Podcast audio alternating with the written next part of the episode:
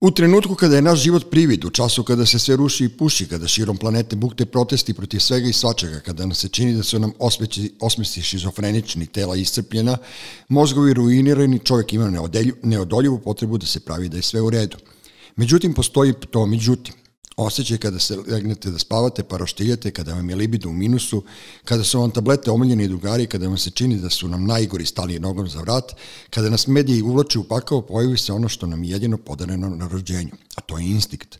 Borba i bun za pravdu. Točak su vremena se okrenuo. Velč mrtv nas kosi. Postali smo setni, bolećivi, pritiska nas kolektivni osjećaj žalosti i bespomoćnosti, samo ovaj trend se ovoga puta ne odnosi samo na elitu i intelektualce opasnije od nestanka demokratije je nestanak takozvane srednje klase. Podela je sada striktna na njih i nas, na ljudi koji mrze i svoju tupavost maskiraju religijom i arogancijom i na ove druge koji vole život, vole sebe, vole crnce, indijance, portorikance, vole istoriju, vole muziku i s radošću dočekuju nove pokrete svetskih trendova u muzici, književnosti, slikarstvu i kulturi uopšte.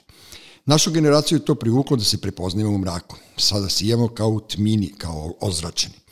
Svi imamo snove kada smo mladi, mnogo je gadno kada se ti snovi brzo ostvare. Onda se čovjek uljuka, počne da živi normalno, a, to nije, a za to nije predodređen. Na sreću, mi živimo u Srbiji. Ovde nema opuštanja, noga je stalno na gasu, kočnice ne rade, a pred nama je put prepun krivina i ni urupčaga.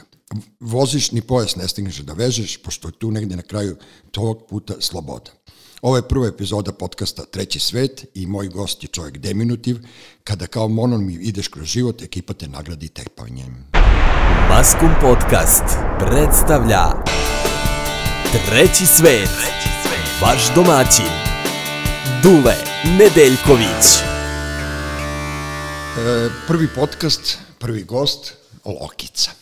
E, najavio sam te namjerno tako, pošto ono, ja, ja draže, dražesnije osobu od tebe u Beogradu ne znam i mislim da si ti jedini kome cela ekipa ceo život tepa.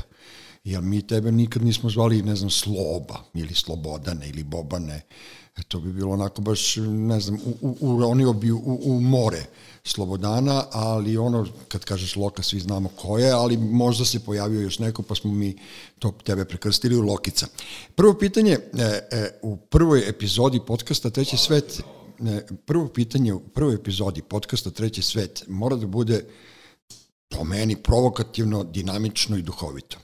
E, jedinu stvar koju jedinu, jedinu stvar jedinu stvar koju ja o tebi ne znam iskren da budem je što su tebe izbacili iz kviza Potera. Zašto si ti bio samo jednu sezonu tragač kad ja znam da ti imaš ono skromno znanje poput Uroša Đurića i Milorada, tu smo generacijski mnogo jaki, jer mi smo ono svoje vremeno rasli na onaj na onoj idealu kao ako nešto kažeš glupo, to će se okrenuti protiv tebe kroz život i kako je to, kako si uspeo da te izbaci iz kviza? Uh, to je ovaj, priča je, dobro si pogodio, dobro ti je pitanje. Priča ovaj, je neki način e, metafora za ono u čemu mi živimo. Znači, u tom trenutku kad se dešavala potera, ja sam sa Goricom i Draganom imao zajednički biznis, imali smo firmu koja se zvala Super Miš, koja je bila producent i izvršni producent a, njihovog, a, njihove emisije na jutarnjeg programa na radiju Beogradu 1. To je bio onaj veliki transfer, oni su otišli sa B92 ovaj, na, na, kako se zove, na RTS, ja sam tome negde kumovao, ovaj, negde ih nagovarao na to godinama unapred, da sam smatrao da je eh, da je njihova pozicija na B92 prosto njihova popularnost nije odgovarala ovaj, nije bila dobro izmerena u novcu, tako da kaže da nisu bili dobro plaćeni, da misle da je trebalo da idu negde drugo.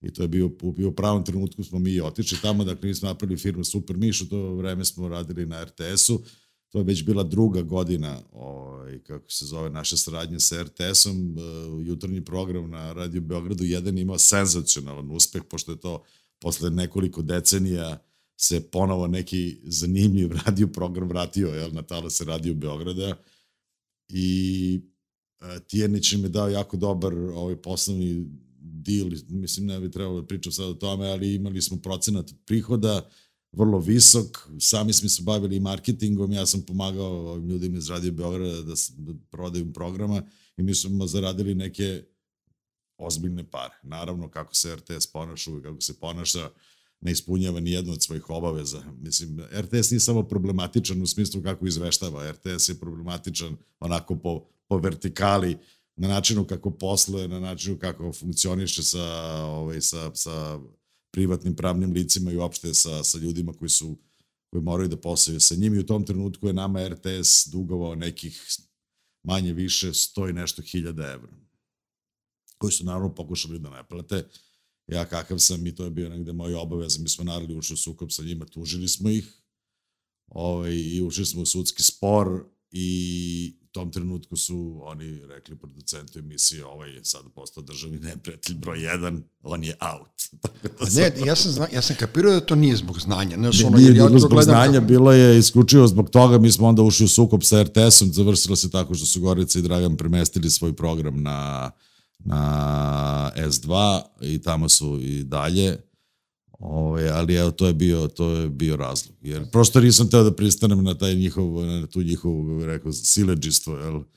Ovaj, da nikad ne ispunjavaju svoje obaveze. To su već ozbiljne pare bile u pitanju, tako da je, to je bilo to. ti si osnovao maskom davno, 18-20 godina i on je, ti si kao, mislim, pametni ljudi se e, bavio profesionalno poslom i okviru, ja se sećam kad je taj transfer bio i sećam se kako je Gorica to teško podnela, jer ona je ipak bila ono kao 92 i ja se sećam da sam i ja čak ono objašnjavao nemoj da uključuješ emocije, prestalo je to više naše de, detinstvo otprilike i onda je Gorica došla jednog dana sasvim raz- razočarana i rekla mi je, znaš šta mi je Vera rekao? Ja kažem šta? On je rekao, ja pregovaram s vama bez emocija i molim vas da ostanete još godinu dana ovde, jer meni trebate da bi ja to realizovao jednog dana ispostavilo se prodaju 92 sreća da su te poslušali i otišli i to e, sad ti si tu Otišli su bio u pravom trenutku, mislim, posle toga je 92 išla u ono slobodni pad, mislim, i u sadržajno i u smislu ideološkom. Jeste, a sad što pričaš to, to je ono, ti si kao privatna firma, kao privatna produkcija, ste ušli u RTS i to je jedini način u stvari sklapanja neke kreativne industrije ka, čemu svi težimo. Mi svi hoćemo ja da prodamo... mislim da je suština, mislim, tu je postavljena, mislim da je tu uloga RTS-a i oni to i dalje ne žele da razumeju, oni treba da budu uh, jedna riznica privatno-javnog partnerstva, da takve ljude angažuju ovaj, na način da, da, da unaprede ovaj, njihovo poslovanje i uopšte ulogu. Ja tako uloga RTS-a vidim, oni stalno te uloge beže pokušavaju stalno da budu vlasnici svega i da kontrolišu sve, a to je potpuno pogrešno. Taj javni novac koji oni troše, oni bi trebalo praktično da u takvim vrstama partnerstava radi. I to je bilo vrlo uspešno, da je biznis model je bio fantastičan. Radio Beograd se vratio sa slušanošću, recimo neko treće mesto, bio je 20. Niko nije ni slušao taj radio. Ovo, I ne samo to, i u prihodima, znači oni su od nečega što je bio potpuno mrtvo, ako dohodovno, jel, imali su vrlo, vrlo ozbiljan promet te godine i stvarili su neku zaradu i, što, i sve je bilo potpuno u skladu sa zakonom i nekako na način kako bi to trebalo da izgleda.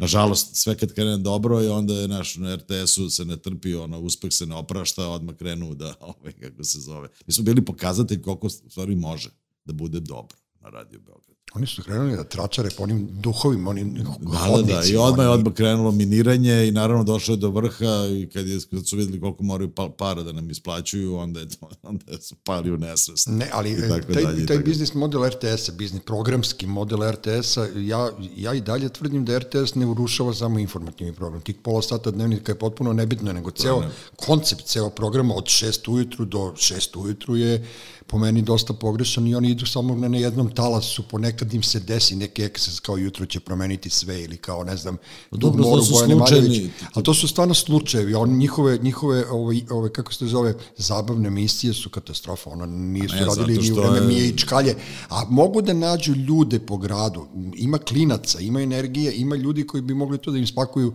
na vrlo pametan način, samo što su oni potpuno postali oportuna Mislim da su firma oni i- postali žrtva, znaš, njih je najviše u stvari unazadilo to što su oni ušli u tržišnu utakmicu i što prodaju oglasni prostor i onda moraju da se vode ovaj, kako se zove tim, tom navodnom tržišnom utakmicom, što je sve pogrešno iz više razloga. Ako ćeš da pričamo o tome, to je možda zanimljivo, ovaj, kako ja to vidim, uh, Pa zanimljivo je što niko Ok. nikada to nije rekao. E, da, ja znam, ja sam puno radio sa njima iznutra, tako da znam kako to funkcionuje. Situacija da oni, oni šta sad pokušavaju da rade? Oni pokušavaju da jure Pink, Happy ovaj najgori trash televizijski program, ali nekako hoće da ga prave finije, znaš, ti ne možeš, znaš, oni, oni jure sobstveni rep, oni prave iste vrste klubavih, besmislenih show programa, jeftine zabave, takmičenja, ja volim ono, stano, to je sve vodi... isto, to su neki spin-offovi od onoga što se dešava ovaj, na, ovoj, na ovim trash televizijama, zato što navodno im pod izgovorom da moraju da jure rating. A u istom, to, u istom tom trenutku ti imaš migraciju televizijskog auditorijuma od preko 40% na kabel. Znači ti imaš 40% gledališta, auditorijuma u Srbiji koji više ne gleda ni jedan terestrijalni program koji se proizvodi u Srbiji. I oni, a, Tome da, jeste, a oni, i oni umesto da se obraćaju, to je njihova ja publika, to, to je njihova da. potencijalna publika. Oni umesto da nađu formulu, odnosno da prave program za te ljude, ti ne možeš da pobediš Pink i Happy u onome u čemu su oni majstori. I ne možeš da praviš light verziju njihovih varijetetskih... Ali zašto bi to i radio? Meni to pa nije... Pa ne, za, vidi, oni sada idu, kako bih rekao, sada ne, ne promišljaju stvari, nego uh, svako jutro gledaju svi kao omamljeni i kao hipnotisani one, one people metre koji su naravno potpuno besmisleni jer stoje na istim mestima po 20 godina i ko zna sam ko ih čita i kako se to radi, ima puno problema oko svega toga, a u isto vreme njima njihova suštinska publika beži. I onda su, znaš, imali, imali su uspeha sa ovim, kako se zove selo Gore i Baba se češće, onda su mislili da je to pravi put, da treba da idu u taj, rekao, poseljačeni RTS program, međutim, to je, to je isto bio fenomen, to se desilo u jednom trenutku i posle toga sve, svi pokušaju da se napravi nešto tako su, su neslavno Pa to je ono Kemp, onaj film Sekula se ono ženi, pa, pa kao to je uspeh jedan da, bio i kao ajde. To da. ne razumeju, ovaj, ja moram da ruku na srce da, ovaj, da, da, da priznam da u poslednje vreme dosta gledam onaj broj 2 i broj 3. Jedino što je problem što je to klasično koncipiran program, to su, to su emisije bez voditelja koje su neke vrlo zanimljive, one kupuju jako dobre programe, ovaj, kako se zove, sa francuske televizije o kulturi i umetnosti, međutim, znaš, tu nema života, to ti je, kako bih rekao, to ti je kao ono video on demand, ti sad prvrtiš pa vidiš šta ti dešava, ali to nije realno televizijski program. To su poređene programske celine jedna za drugom i to je, tu, tu ima divnih stvari. Čak su i nešto dobro proizveli, evo, gledao sam, uh, gledao sam bukvalno pre dve nedelje jako dobru televizijsku emisiju o avangardnim umetničkim pokretima, mislim uglavnom o zenitizmu, koji, da, ove godine slavi 100 godina postojanja, ovaj, bio vrlo, vrlo dobra RTS proizvodnja. Znači, takih stvari ima, ali oni to ne stavljaju na prvi program. Ne stavljaju ni na drugi, nego stave na treći i to je ništa. Imali su onaj incident, ono Boris Miljković što je radio par meseci iza kulturnog dnevnika ponedeljkom, što je imao neku svoju emisiju o, o francuskoj, našim umetnicima. Ma da, da, ne možeš ti jedno za ti moraš ali da, ne, ali da, to je bilo moraš da prekomponuješ kompletan odnos prema tome i moraš da prekomponuješ, tu se ogroman novac se troši, to je javni novac koji bi trebalo da se slije u, ajde, mislim, mrzim to je taj, tu formulaciju kreativnu industriju, ali on negde tako završava u nekim besmislenim serijama koji sad se prave ja, dva serije se snimaju isto vreme, nemoj grđe od grđe. Pa dobro, a te kreativne industrije o kome pričaš, ti si u svojoj firmi, ajde sad ja potpuno odoh iz koncepta koji sam imao da pričam, ali nema veze, vratit ćemo se. Ne, ne, ne, meni ono, ja volim da čujem nešto što ne znam, ali ovo zaista nisam znao. Sad ta kreativna industrija se pominje uh, I naravno kod nas, pošto niko od nas ne zna koje su uloge kreativnih industrija u svetu i koja je uloga kreativnih industrija 21. godine 21. veka, mi smo odmah to počeli da hejtujemo u startu, gledajući ko je tu sad sve ušao, sa kojih Gledali strana, iz, kojih, politički, ali iz mislim... kojih grana umetnosti, ali znam da je ono, da tu ima nekih ljudi koji su meni ono kao krajnje gotivni, koji imaju ono ne znam, imaju neku biografiju za sebe da bi mogli nešto da opravdaju neke postupke da. u, napred. Tipa, ne znam, tu je Biljana Srbljanović, tu je Vuk Veličković, tu je tu je još nekih par ljudi. E sad, ti si e, u Maskovu, vi ste prvi koji ste podigli u stvari tu te digitalne platforme, je li tako? Pa počeli smo radimo digitalnu distribuciju muzike prvi, da, da, pre 10 godina. Vidiš, recimo to i sad, znaš, kao to, to ti kad kažeš u Srbiji, gde malo pričamo o RTS-u koji izgleda kao seljačka televizija, razumeš, kao, ne znam, koja se poredi sa još seljačkim kombinacijama, šta znači to? Jer ti uspeš, vidim, živ, zdrav si, lep si, normalan si, lepo si obučen, putuješ po svetu, znači ti zarađuješ od nečega što je nama ovde uopšte potpuno nepoznato. Ne, zato što je, vidi, to, kao uvek firma, ti, ne mislim lično. Pa, znaš, to, ti je, to je samo pitanje utiska. Znaš, u zavisnosti ja, moj, moj, ja sam uveren da je, da mi ovde nismo toliko izgubili, mislim, imamo tu migraciju, ljudi odlaze, ovi najbolji, ajde po znacima navoda, ovaj, trbukom za hrukom, ali rađuju se i novi. Ja sam siguran da ovde postoji tržište za kvalitetne ovaj, kulturne sadržaje, uvek je postojalo. I uvek će postojati. Ovde je samo, znaš, u zavisnosti od to koja je estetika vlada ovaj, u tom trenutku, klatna se pomera. Znaš, sad su ovi ljudi koji danas vladaju, prosto njihova estetika je nešto što nije nama, meni lično nije blisko, ne, ne, da ne ulazimo u političku, ovaj, u političku priču, ali estetski, eh, rekao, oni sad, oni diktiraju celokupan, ne da kažeš, celokupnu estetiku društva na neki način. I mi svi stičemo utisak da ovde niko više ne sluša dobru muziku, da niko ne čita dobre knjige, da je sve trash kultura, da Pink vlada i tako dalje. Naravno, oni to u svojim propagandnim i PR akcijama stalno dolivaju da je to najgledanije, najuspešnije. Ja, ja ti garantujem i siguran sam mi ne bi mogli da funkcionišemo ovaj, kao biznis da mi nemamo svoje tržište koje je okrenuto ka koje je okrenuto ka sadržajima koje mi proizvodimo. Znači, prosto postoje jedna i druga stvar. Evo, evo ti samo, pogledaj samo dok je dok je ova druga politička opcija bila na vlasti od 2000 do 2012. ko je sve svirao u Beogradu i za koje pare i pogleda od 2012. do sada. To je prosto samo kao da neko isključio. Znači, da, ugasili su to, da, da, da. A, imao si. To su sve bili popunjeni koncerti, sve arene. Pa Nick Cave je u Srbiji prodao 20.000 karata. Ne znam da sam bio na koncertu Nick Cave-a, to je 20.000 ljudi pevalo od početka do kraja. On je mogao da hoda na njihovim rukama. To, ne, to je Beograd. Svi, svi živi, tako da, da, da, da. Tako da ovo što se sad dešava, je utisak. Ko što je 80-ih, iz ono vremena koje mi pamtimo, pošto smo već likomatori, klatno bilo opet na onoj strani, svi, svi su mislili da svi slušaju sa ovim novi talas 80-ih. Nije bilo isto, pa smo se zbunili kad je Sinan Sakić napunili ko već. Sinan Sakić je pavi Ali taj naš, tad je estetika bila ova, sad je estetika ovog. Isto je, isto je, od 2000 do 2012. Exit je bio najvažniji kulturni događaj u Jugoslaviji, pa se pravilo ne lažne dileme kao exit ili guča. Šta je ili? Nema ili, ima i jedno i drugo. I dalje postoji i jedno i drugo.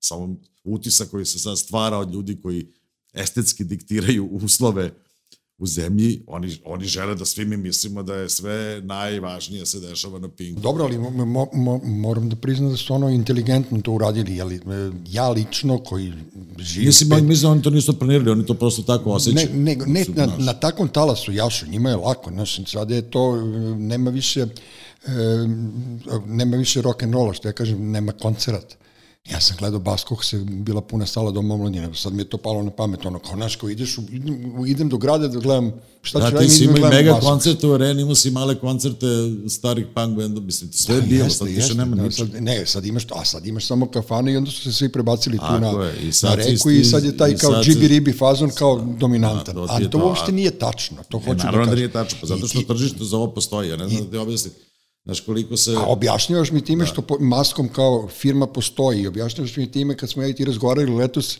i kad si ti rekao ajde da radimo podcast, ja sam shvatio da, da si posle deset godina prvi put u životu neko rekao ajde da radimo nešto što ja hoću, a ne ja nudim nekog, mi obećavam, ubeđujem tog nekog da bi trebalo, da postoji još uvek živi ljudi, da je grad da živ organizam, da, da Beograd postoji, da Srbija postoji, da postoji to što si ti rekao, ljudi naši u emigraciji koji će da slušaju nas dvojicu i bit će im drago. Kao vidi, ovo dvojica su ono kao živi su, old punks never die. Kao, a znaš da je danas... Imamo program za emigraciju, kako se to zvalo?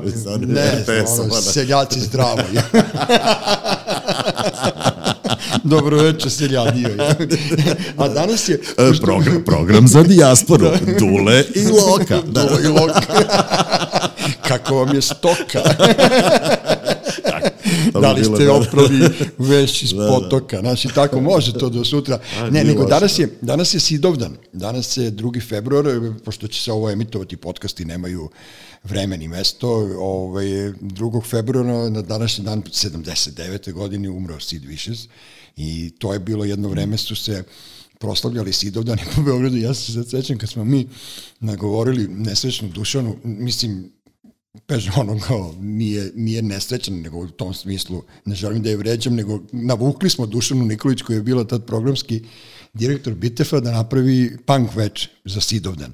Ja se sećam, ljudi moji, to nije moglo tri gradske čistoće da opere više te ulice i sve to, a završilo se time što je Racković skočio sa onog prozora najvišeg na Bitefu, jer u jednom trenutku je stala muzika, svi su poč pohrlili napolje i kao Racković je stajao na onom krovu gore iznad stepenica i, ne, i kriknuo i bacio se među ljude i kad je pao u beton, onako, znaš kao Beograd, kao pao u beton, svi su se vratili unutra i kao, kao nastavili da polivaju pivom, kao Racković je ostao da leži kao žrtva Sidovdana, tako da eto, toga, toga sam se setio kad si pomenuo dijasporu, su mnogi otišli dalje. E sad... Ali javili si klinci, znaš, vidi, ja, ja, ja sam sa svojim bendom jedno vreme vežbao u, u ovoj, kako se zove, u, u Bigzu.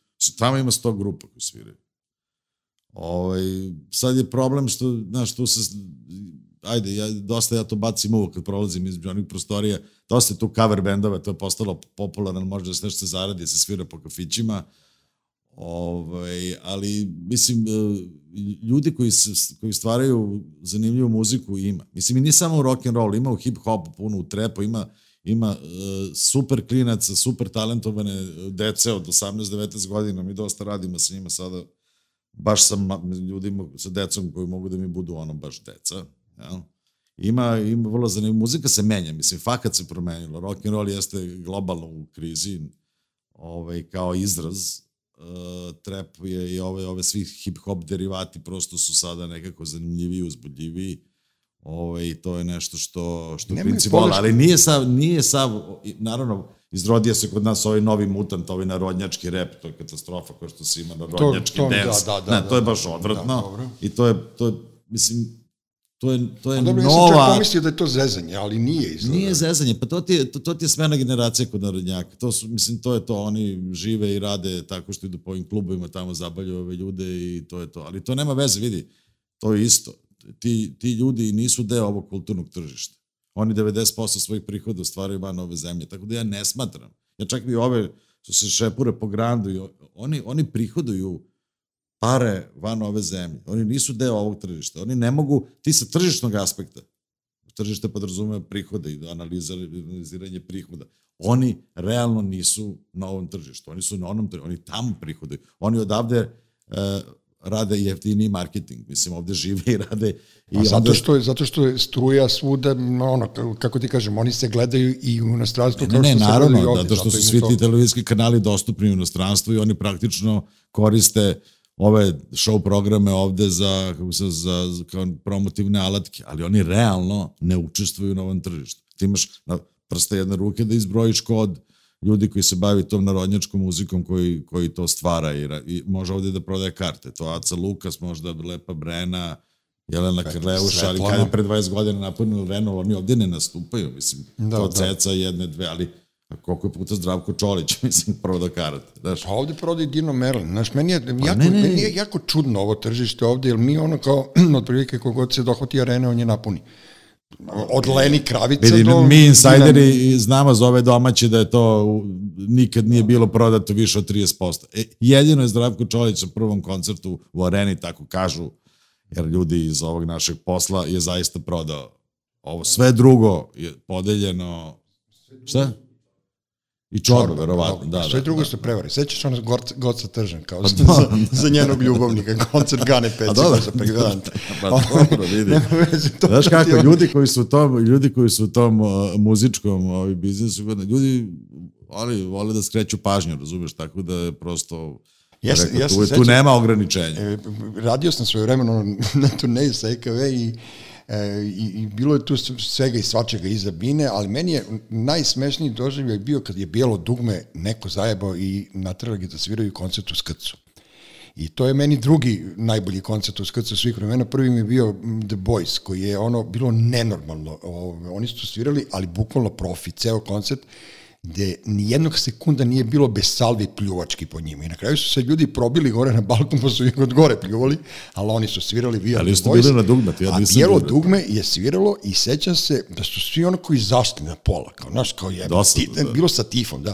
I Tifa prolazi i sad šest onih bilmeza, onih redara koji su bili, ono, ono guraju ljude koji ne postoje, kao skloni se, skloni se, skloni se, i sad kao stojimo mi sa strane i gledamo i kao provodimo Tifu, provode kao, a niko ne obraća pažnju na njega. A kad su oni tu svirali? Ma svirali bili su ono kad su bile lipe cvato, to je 80. godina, boga mi ono vreme, bre, kad su s majke mi, to, sećam se i tako kao, propustio, kao da. sve, kao bešte šapo, znaš, kao bešte vi seljaci, kao prolazi velika rock'n'roll zvezda, ono tifa, kao, znaš, kao. Tako da, ono, to si propustio, propustio si, znaš, propustili smo mi mnogo toga, jel, ti si ipak bio tad u podrumu kad, i radio si, ovaj, svirao si, a mi smo bili publika, mi smo bili gore. Mi smo se više zajebavali nego što vi ste ipak radili, vi ste bili ozbiljnija ekipa. ti Lajsa, Rosa i... Pa ne, ono, ono znaš, mi koliko god da smo imali, ne, ano, nismo mi nikad imali animozitet kao klinci, ali m, vi ste bili ozbiljniji. Znaš, mi smo se više zezali, mi smo bili kao, preveo si knjigu Simora Stajna, e, tvog kolege i tvog drugara, ovaj, koji je meni potpuno ono genijalno, nešto što mi je bukvalno ulepšalo lockdown i prošlu Hvala. godinu i sad se sećam da je Simor rekao u jednom trenutku kad su ga doveli, kad je prvi put gledao Ramonse, ako ja se dobro sećam da je on mislio da su ga zajebavali kao ko su ovi, znaš, kao Da, da, četiri da, kosijanara čemu koji sviraju neki bubble rock, šta je bre ovo, kao otkud vi, međutim on čovjek kad je izašao, on je shvatio da, da, da su oni njegovi, da su oni ovaj, prosto grupa koju on mora da da Njega, i načini njegova žena, njega i njegova žena i Danny Fields koji su zajedno bili Da, da, Danny Fields je jedna njujorška legenda koji je radio kao A&R u mnogim diskografskim kućama, on ih je praktično, rekao, ajde glupo da kažem napravi, ali on ih je stilizovao na način kako on je imao tu neku fiks ideju da ima uniformisani uh, uh, blesavi bubble rock band, razumeš, i onda je, i onda je pozvao ženu Simora Stajna da oni zajedno rade menadžerski posao, onda su mali malo da nagovaraju Simora, on nije bio 100% siguran da to možda A proći. ipak ga je žena nagovorila. Žena, žena, žena. A ne, ja sam mislio da je on bio ima Ne, dilemu. ne, ne, kao- onda, ne, ne, ne, oni su njega, on, on, on je nešto odlagao da ode da ih vidi, jedan su ga odveli, jedan da ih vide i onda je on tu shvatio da je to to, ali ovako iz priče nije, Da, da, da. nije, nije A da ne, uzima kad u ih je video, on se sablaznio, bio čovjek kao šta je ovo, ali vidiš Simon Stein je ono kao kako je to ona divna veza između mene i njega, pošto sam ja najviše volao Talking Headse Blondie i Ramones, kad sam bio klinac, pa su me zajebavali ovi moji drugari kao Da mu pišeš je- da te usvoji. Ne, da je moja, da je moja ovaj, top lista Ramonsi, Jasna Zlokić, Blondi i Talking Headsi. Što je Jasna Pošto Zlokić? sam ja jednom se zezno i rekao da mi se sviđa ona pesma Ja sam skitnica i onda su me Charlie ovi naravno I meni se naboli. sviđa, to je dobro. Pa da, i onda To su me stvar. da su meni kao, ne znam, God Save the Queen i ja sam skitnica, dve naj...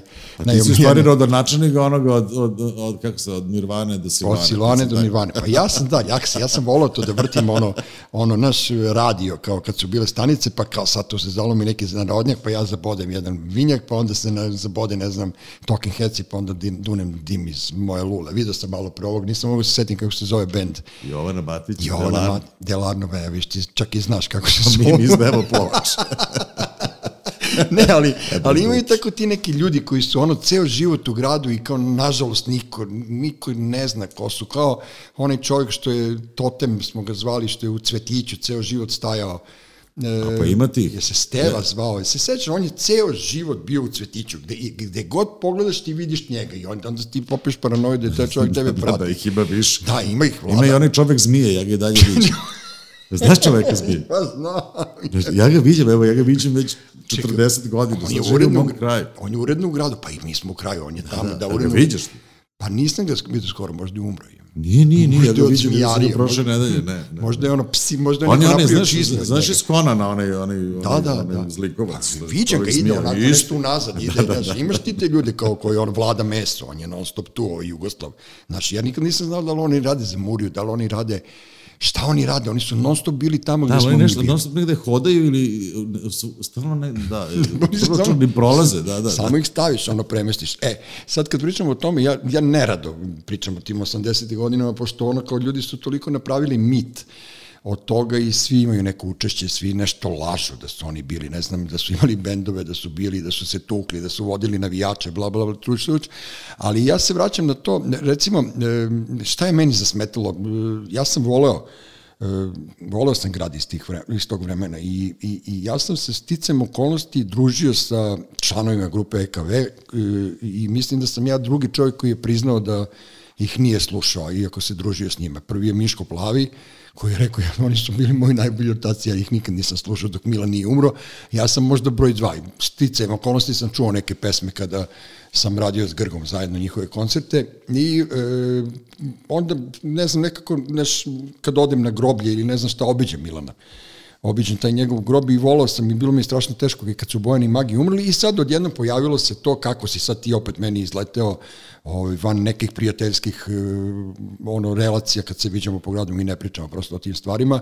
E, pojavila se zadužbina Milana Mladenovića, jedna u nizu kretenskih nevladinih organizacija, pošto ja otvoreno mrzim te ljude i ja sam rekao, ne daj Bože da ja jednog dana dođem na vlast, sve bi nevladine organizacije pogasio, pa onda polako jedna po jedan nek počnu ponovo da se prijavljuju kod mene lično, da bih to uradio i pojavila se ta zadužbina Milana Mladenovića ja sam onako nehajno bacio oko, vidio sam da su tu nešto gile cane i ja sam ono kao digao ruku. I onda sam video da su oni ušli u, sok, u sukob s tobom, ali sam i dalje izabrao to da prvi put u životu malo i ja čutim. E, da ne, ne zauzmem odmah stranu protiv, jer e, ja sam odmah tu nanjušio ko tu profitira i onda sam ovakav kakav sam, nemam nameru nikad nikome da se izvinjavam za bilo šta što kažem, bio u fazonu, čekaj bre loko, pričali smo, ja kažem, ono dalje moguće da će bilo koja naša bivša riba da otme našim potomcima, našu zadužbinu i da se hvali jednog dana da su oni tu i da oni budu vlasnici nečega što bude ostalo iza nas.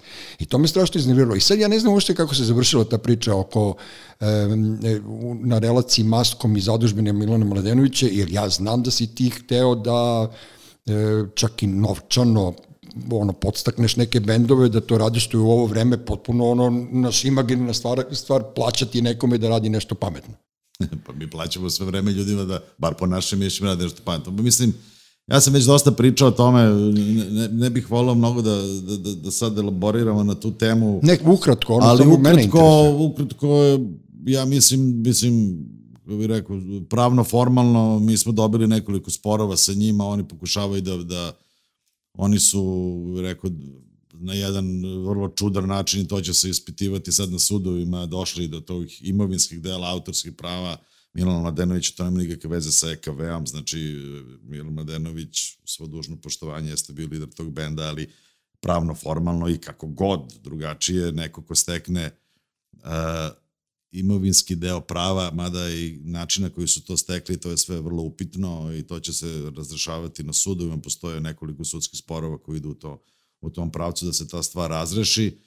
Svim ovim pokušajima do sada mi smo izašli kao pobednici, mislim, ne samo u pravnom smislu, nego, mislim, zato što je to fakat tako. Ako ti naslediš, nemam pojma, ne znam kako da ti objasnim sada to najplastičnije, uh, ako, ako naslediš jedan stan, ne možeš u nekoj zgradi, ne možeš da tvrdiš da je cela zgrada tvoja, ti imaš jedan deo Znači, stvaralaštvo EKV-a se sastoji od autorskih delova svih učesnika, znači od, od Magi i Bojana i Milana i svih ljudi koji su tu radili. I ti ako stekneš pravo na jedan deo, ne možeš da tvrdiš da je celo tvoje, a posebno ne možeš da tvrdiš da je neki drugi entitet tvoj. I uopšte da se svojata na taj način nešto što je ono kulturna zaostavština svih nas, mislim da je potpuno besmisleno. Posebno, znaš, posebno što se ide na administrativne mere, sad još registruješ ime i onda zabraniš da se, da se to ime koristi.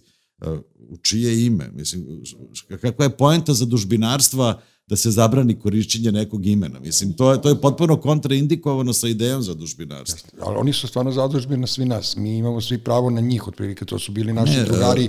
Uh, oni su, u isto vreme smo rasli, razumeš, pro, pro, prolazili su vremena i ne znamo če, od jedno zašto se pojavila ta potreba da se neko pa ne, zato što ja mislim da iza, na takav način. Zato što se naplaćuje neko ko, ali od strane neko ko nije učestvovao u tome. Ja mislim da iza toga stoje samo lukrativni motivi, to do sadašnjim ponašanjem te te grupe građana e, nisu, nisu ukazali ni jednom stvari da oni žele da, da na neki način e, tu zaostaštinu koju su stekli, kako god da su je stekli, da je da vode račun o njoj, da je neguju, da je unapređuju, nego ono, njima se jedina, jedina aktivnost im se svodi na to da pokušaju nama da zabrane da, ovaj, da se time bavimo, što je potpuno suludo kao koncept, znaš, tako da mislim da to, to ne, ne može da prođe čak i u blesovi zemlje sa ovim našim uh, ajde da kažeš, vrlo uh, čudnovatim pravosuđem, ali mislim da ta ideja ne može da prođe. Ma dobro, ti ne može da svojataš nešto što nije tvoje. Meni, je, meni to ono malo rade kompleksi, pošto ja opet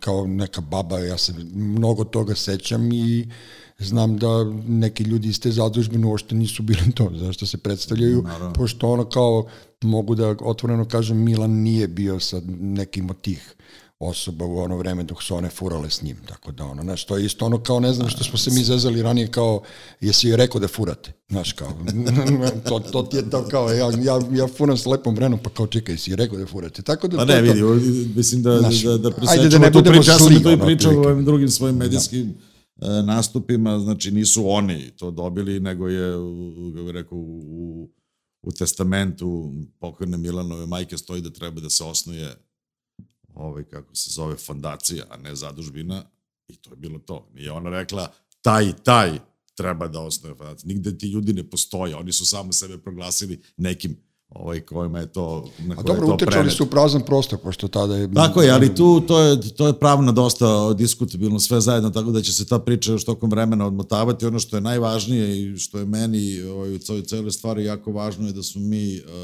posle 30 godina diskografski vratili u život TKV, omogućili da se taj život produži, bukvalno 30 godina ti ni jedan nosač zvuka, ni jednu ploču, CD, te, te, ovaj, te grupe nisi mogao da nađeš. Mi smo zaista veliki napor i uz rekonstrukciju svega toga i svih ti i saradnje sa saradnicima i sa njihovim, sa ljudima koji su to vreme sa njima sarađivali, rekonstruisali te ploče i stavili ih na tržište ovaj, i ponosni smo na to što smo uradili. Sad, ukoliko to sad, ajde kažem se, e, stvar odbije, ne znamo nikako kada će to završiti. Mislim, to je, kod nas je, ja bih rekao, pravno, formalno smo mi 100% u pravu, sad kako će to ovde da se ispresuđuje, ne znam, za sada dobro stoji. Dobro, imaš vremena, vreme je pred tobom, mlad si Mislim, čovjek. ali važno je da, da, da kako bih rekao, da, su, da, da, da nasledđe te grupe nije umrlo.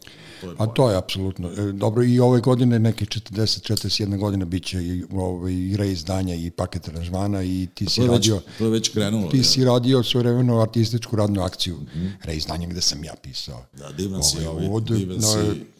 Da, no- sleeve notes napisao. Vidiš, ja sam, ja sam ovaj, tada bio u Americi, tada kada se to dešavalo i, i, i volao bih da se vratim opet na ovo, e, mnogo me je obradovalo što si, opet si uspeo u stvari da uradiš neki poslovni model, tebi je Laguna izdala u stvari tvoju knjigu.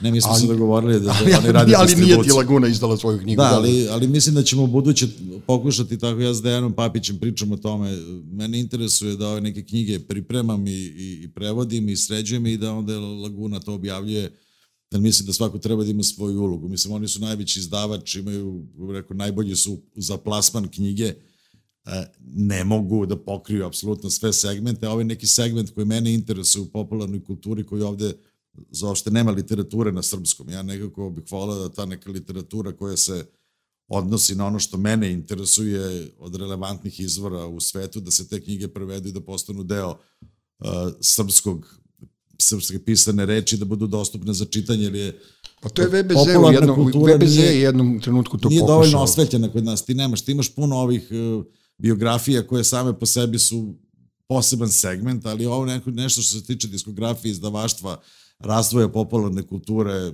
od 60-ih do, do, do, do 2000-ih, mi prosto nemamo literaturu na tu temu, a ja nekako mi je to sad neka misija da, da pronađem što više zanimljivih knjiga koje su već dokazano na zapadu postale klasici u tom smislu i da ih prevedem na naš jezik. Mislim, u tom smislu je taj Simorova ovaj, pesma Sirena, pošto je mislim da on vrlo značajan, da čitaš tu knjigu ti imaš prosto možeš da, da čitaš istoriju razvoja nezavisne diskografije u, u Americi i u Evropi. To je bukvalno Ne kao udžbenik, isto- ali kao udžbenik. istorijski udžbenik, pa ne, ali to jednog dana kad bude bilo normalno vreme, to će se izučavati na nekom fakultetu, sigurno. I vrlo mi je zanimljiva ta paralela, izvini, da, samo da, zašto se odlučujem da, da se bavim tim knjigama. Ta paralela iz, iz kakvog kulturnog miljeja su neki muzički ili, ili umetnički pokreti nastali, na koji način smo mi to ovde, ovde tumačili. Znači, to su vrlo zanimljivi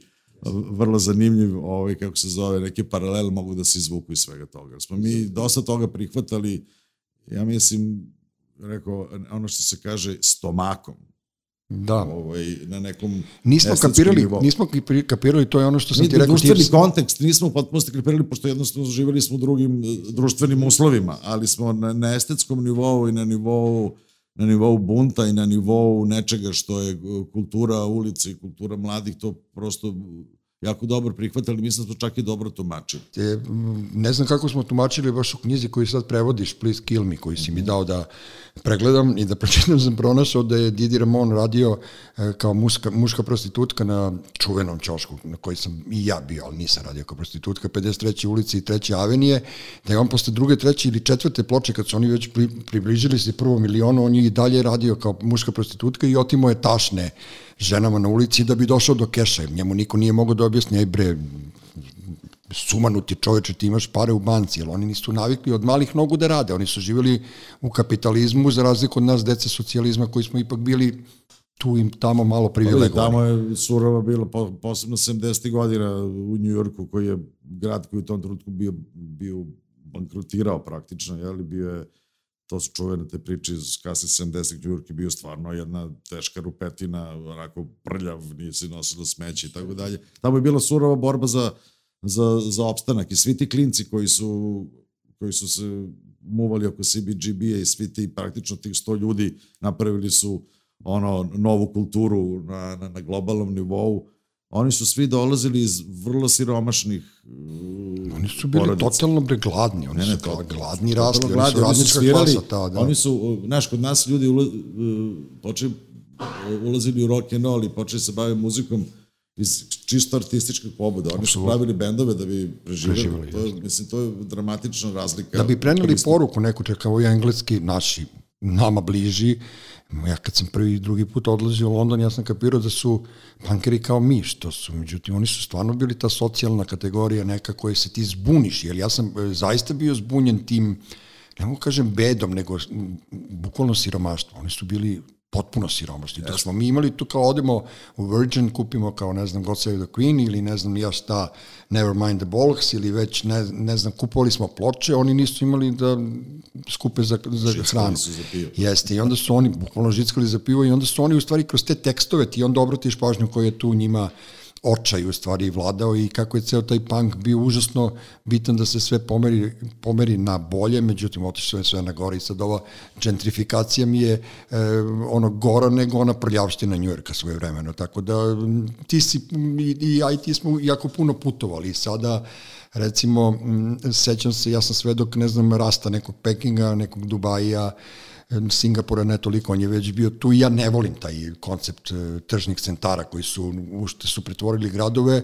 a naročito mi teško pada što su recimo New York potpuno ono sterilisali otprilike. Evropa je propala po meni potpuno, ja više ne znam gde bi mogao... Ovo ti sad priča, kao ekipa s Happy. pa ne, nego, znaš kao sad ono... Samo je ovde fenomenalno. Ne, nije samo ovde fenomenalno, nije ovde, imamo Beograd na vodi, što je isto to kao u tom talasu nekog ono seljačizma, ali znaš kao prosto razmišljam sad kao, ajde, evo danas prestala korona, gde bi ti i ja išli sad? Ajde, kao idemo, puste nas žene i gde, gde, gde bi ti sad mene vodio? Nemoj samo da me vodiš na večeru i vino, jebi ga, to ja ne volim. Nego pa da te vodi, pa da te vodi nekog koji ima 50 godina plus, šta da vodim na punk koncert? Ne, nego gde bi išli sada? Da, evo da imamo 30 godina, gde bi otišli? Da imamo 30 godina? Da, gde bi išli? Ali u ovom sadašnjem trenutku, gde? Ono, što da imamo u Pariz, da me ubiju žuti prstuci, neću. Da odem u London, da mi se deru na mene što pušim, neću. Da odem u Ameriku, nema pušenja ni u Central Parku. Da odem u Dubai, šta ću tamo na 50 stepeni, tamo s onim na, svi nose kačkete na opačke sad. Ne znaš da ti kažem, jedina, jedina Zlatibor, jedina ne, Kosma. Ne, ne, mogu, pa i tamo ima ono kao... Ne, znaš što je nama ostalo? Jedino, nama je ostao Beograd na vodi, ali to si ti rekao i, i moram ti priznati da ono da mi je žao što ja nisam bio čovjek koji je to nazvao, da ti si rekao da je Rovin bio prvi u stvari Beograd na vodi. I, ovaj, I meni je ono, kao nama je ostao samo Rovinj. Jesi ti svestan da je nama ostao pa, samo Rovinj, ono i koji možemo da prenesemo deci. Ja sam video Kostu, tvog sina, letos i kao moja čerka i on nekako stoje ono, naslonjeni na onu ogradu tamo pored one male marine, razumiješ, ja kao gledam, vidi nas kao kakvi smo mi bili kad smo bili klinci. To je to, znači jedino što nam je ostalo koje je kao u Rovinju je bilo super. Pa dobro, to ja mislim, ja, ja i dalje doživljam Rovinj kao neku ekstenziju Beograda, mislim, prosto je on tamo to je beogradsko letovalište, mislim, to je be, be, beogradski, Beograd na moru, je stvarno tako. Beograd na vodi tamo i, i, i drago mi je što je taj e, praktično nemogući projekat, jer smo, nama je Robin bio amputiran, mislim, jel, 90. godina, bukvalno amputiran, uh, uspeo nekako, vidiš, to, to je neverovatno, postoji neka privlačnost između, između ta dva grada i, i između Beograda i Rovinja i ljudi koji, koji tamo i ovde žive, da je, sad imaš jednu potpuno novu generaciju ljudi koja je praktično refleksija one generacije mojih roditelja i, i, i mog dede koji je bio jedan od prvih koji je došao u Rovinj i, i tamo kupio kuću.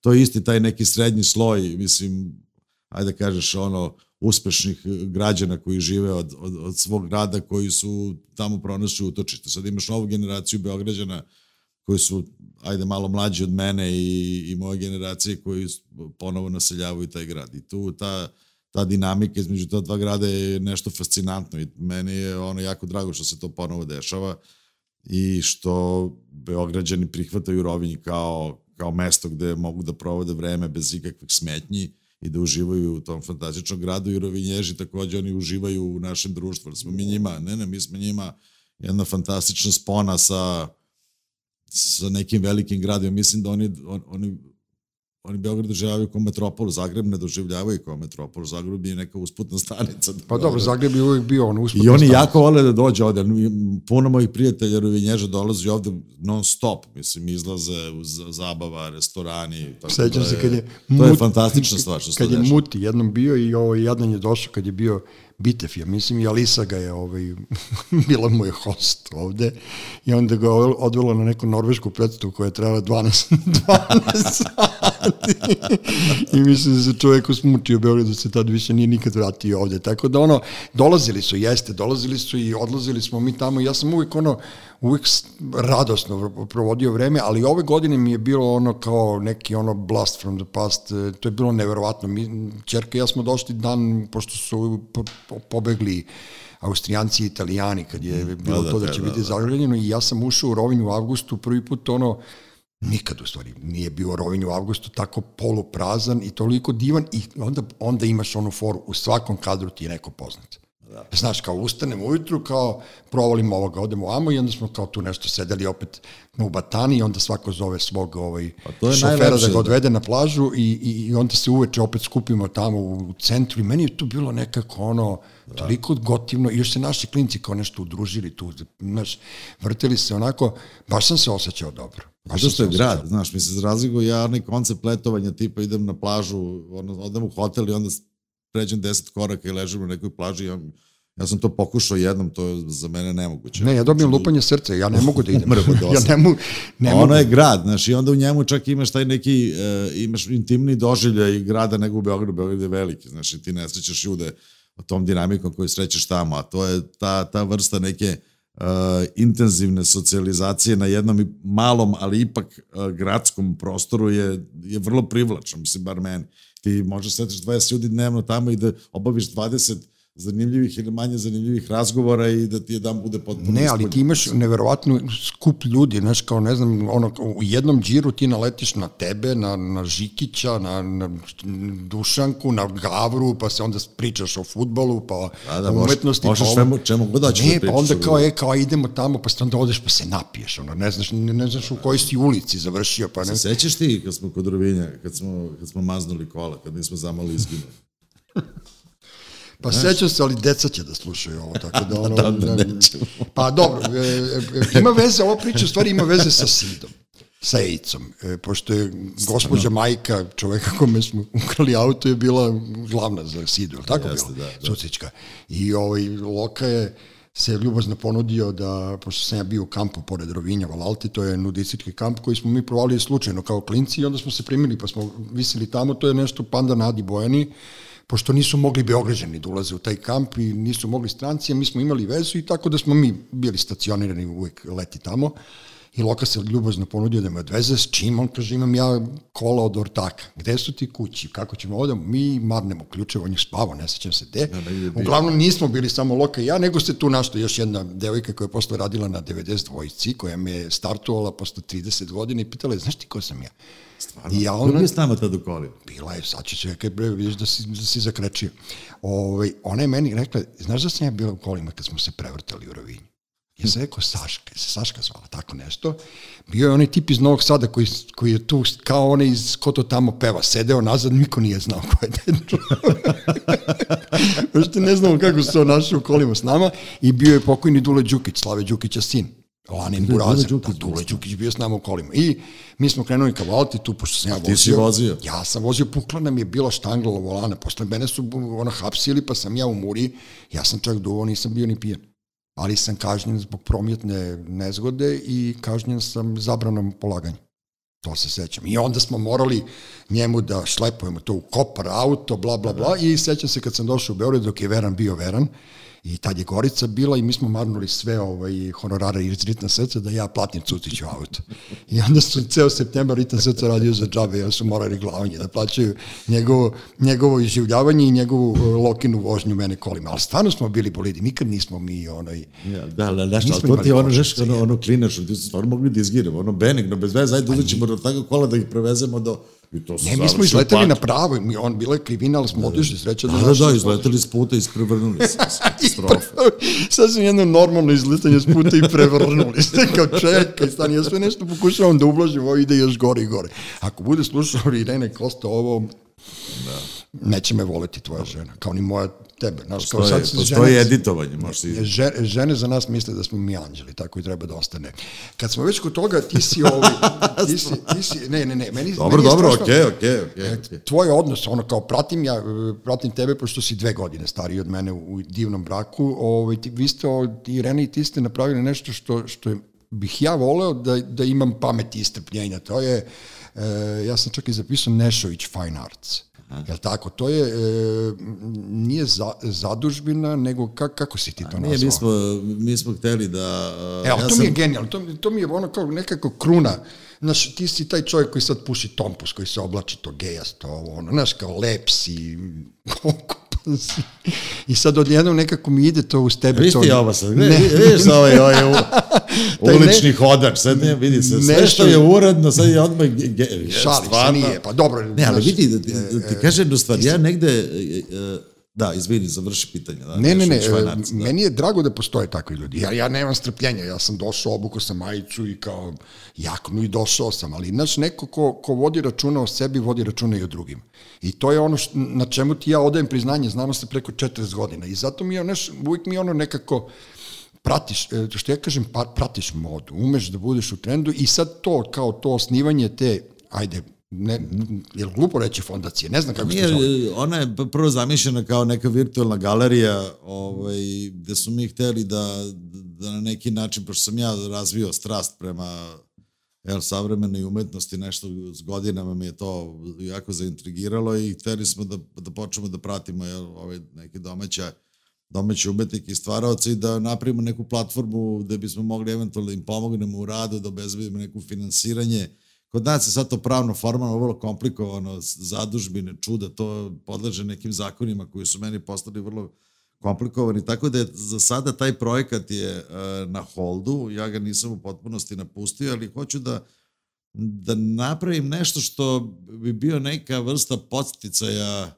uh, tim ljudima da rade i da, da nastave da stvaraju. Tržište je jako malo, tržište je siromašno, uh, novi novi vizualni umetnici imaju vrlo malo šanse da prodaju to što rade. Ovaj, ali um, mislim da, da smo negde i pokrenuli i sad su još neki prijatelji poznanici po gradu počeli da otvaraju ovaj, raznorazne, da otvaraju galerije i ne, nekad se stvar tu tu ovaj dešava. Znači za sada mi smo mi to radimo onako vrlo lagano iz nađemo neke umetnike koji nam se sviđaju, podržamo i koliko možemo u tom trenutku i to je to. I pravimo neki svoj izbor onoga što nam se dopada. Ja bih voleo da to jednom vremenom ovaj, postane nešto da ćemo mi recimo jednom godišnje to obeležavati nekom grupnom izložbom ljudi koji smo mi izabrali te godine i da nam se to dopada i da to bude neka eto ono aktivnost sa strane, sad zbog covid i svih ovih čuda prosto smo jel, prešli u neki mod za preživljavanje kao i cela planeta, tako da je to za sada se i dalje kuva, ali ja mislim da, da ćemo u tom pravcu da idemo eventualno da pravimo jednom godišnje jer neku neku smotru koja će ovaj, da, da promoviše nove umetnike. Što radiš? E, gledam da ti kažem, ima kod nas u kraju ovaj NGVU, ona umetnička galerija u Krunskoj, si vratio pažnju. To je, to je recimo isto, to su... E, mlade, to si mi rekao, nisam otišao da vidim. To su tri, četiri mlade, mlade žene e, koje se jako, jako dobro rade, ali isto ih je ono baš, baš zakočila ovaj, korona i tu, tu su bile te konceptualne večeri ja sam čak dva puta svratio i sad kao neki ljudi koji su tu bili izlagači, vrlo su me zainteresovali. Ima slika u kafeu Robusta gore kod nas u kraju, ogromno platno, to nisam video skoro, toliko dimenzionalno platno i on stoji tu kao ono eksponat prosto do neke sledeće izložbe. Tako da postoji ta scena ne, ne, i ta, ta scena treba da se... Ima jako puno kreativnih, ima baš dobrih mladih umetnika i mi smo, nešto je bila ideja da, da bi čak na jednom trutku otvorili ono galeriju kao galeriju i teli da, da, da, da trgujemo time, ali onda smo odustali od toga i više nam se dopada da budemo eto tako neki uh, uh, tihi ovaj pomagač u svemu tome, da ne učestvujemo u tom, u, u tom tržišnom delu svega toga, ali da prosto neko ko nam se dopadne dobije neku podršku od nas, mislim, da li finansijsku, da li uh, promotivnu, i mislim da ćemo ići u tom pravcu da radimo jedne godišnje tu smotru. Dok nismo počeli da radimo ovaj podcast, ja što nisam znao da, da, da si ti ono toliko hvale bitan čovjek, majke mi, ali ono kao, ja, sve mi pada na pamet nešto što radiš, ono što meni do jaja. Evo sad recimo, uh, sinoć ili, da, sinoć sam video da vam je e, ploča ušla u produkciju, postprodukciju i Jel tako? Crna lista, ste završili sve, si zatvorio spisak pesama? Znači ja kao i svaki ovaj, uh, mladi muzičar kuborim sa svojim producentom koji Ko je producent? Vlada Negovanović, snimali smo kod njega u studiju, završili smo snimanje pred na dva meseca i sad je njega dva meseca jurim da mi to krenuo da miksam. A što ono? Te, ovo, znaš, i sad sam već ono, na, na ivici živaca, sad sam počeo da ga, baš da ga gnjavim i evo sad se ovaj probudio. Bio malo bolestan, prije znam da li ima COVID ili nema, malo se uplašio, ajde, imam razumevanje za to. Dosta u bendu su nam bili bolesni. I sad smo krenuli... A dobro, imali da ste zubara. Ja. Krenuli smo, da, imamo zubara. Krenuli smo, krenuo je da, da radi miks, pa je napravio jednu verziju, pa mi se to nije dopalo, pa smo se vratili nazad Tako da je sad, evo sad smo u tom procesu miksanja, ja se nadam da će mi to završiti za jednu godinu dana. Mene ideja bila... Da godinu list, dana? Ne, ne, za, za mesec dana. A, ideja je bila, pošto je od 2020. bila praktično ta četvrtogodišnjica panka da, ovaj, da, u da. Beogradu. Da. Ja, ja mislim, postojano tvrdim, a i ti ćeš mi, ovaj, ti si mi svedok da je to počelo pre ovog kako se zove, novog talasa, novog talasa i celoj priče kako sa... nije pet, sa... pet godina pre novog talasa, ako je ovaj talas bio da, ovaj 81. Pre... ovo je počelo sa da, ali mi smo kao, mi da. kao, mi klinci, mi pankeri beogradski koji su iz čega je posle sve ovo izašlo su praktično 80. godine se tu ispoljili, odnosno ispilili i 80. godine smo mi napravili taj prvi bend koji se zva Punk Kreteni, koji je posle postao Urbana Gerila. Ja sam teo da obeležim tih ovih 40 godina i onda smo snimili oni singli. Pa ali single je super, ono, ono, ono, ono, ono, ono, ali vidiš to kad kažeš produkcija, ja kao slušalac, pošto ja ne znam, slušač, ja ne znam da sviram, to je jedna od redkih stvari koje ne umem, inače sam, umem da žongliram. Ja sam što pevaš ti?